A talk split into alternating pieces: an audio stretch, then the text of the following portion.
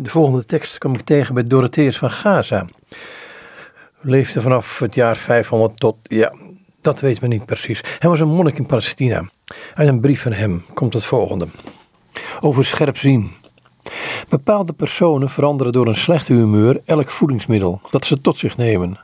Zelfs als het voedsel heilig is. De fout ligt niet bij het voedsel, maar bij hun temperament waarmee ze het voedingsmiddel veranderen. Zo ook als onze ziel een slechte stemming heeft, is alles schadelijk voor haar. Ze vormt zelfs de nuttige dingen om in schadelijke dingen. Als men enkele bittere kruiden in een pot met honing gooit, veranderen ze dan niet de hele pot door de honing bitter te maken?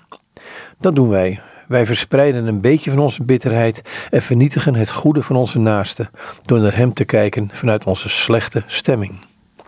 Andere mensen hebben een temperament dat alles in een goed humeur omvormt, zelfs slechte voeding. De varkens hebben een heel goed humeur. Ze eten schillen, noten van dadels en vuilnis. Toch vormen ze dit voedsel om in sappig vlees.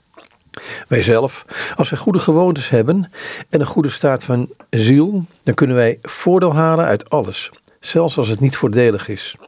Het boek der Spreuken zegt duidelijk: wie met liefdevolle ogen kijkt, zal barmhartigheid ondervinden. Maar elders, voor een dwaas zijn alle dingen het tegenovergestelde.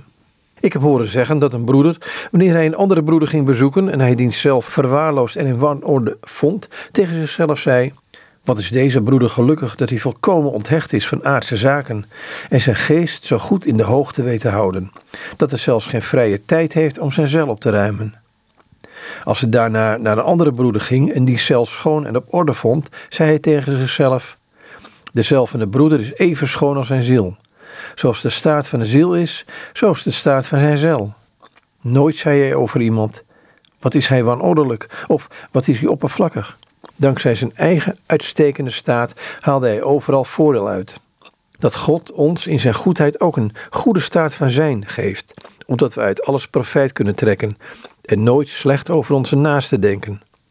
Als ons kwaad ons aanzet tot oordelen of verdenkingen, laten we het dan snel omvormen in goede gedachten. Want het kwaad van de naaste niet zien, baart met Gods hulp de goedheid. Aldus Dorotheus van Gaza, uit een brief. De man leeft in de zesde eeuw in Palestina als monnik.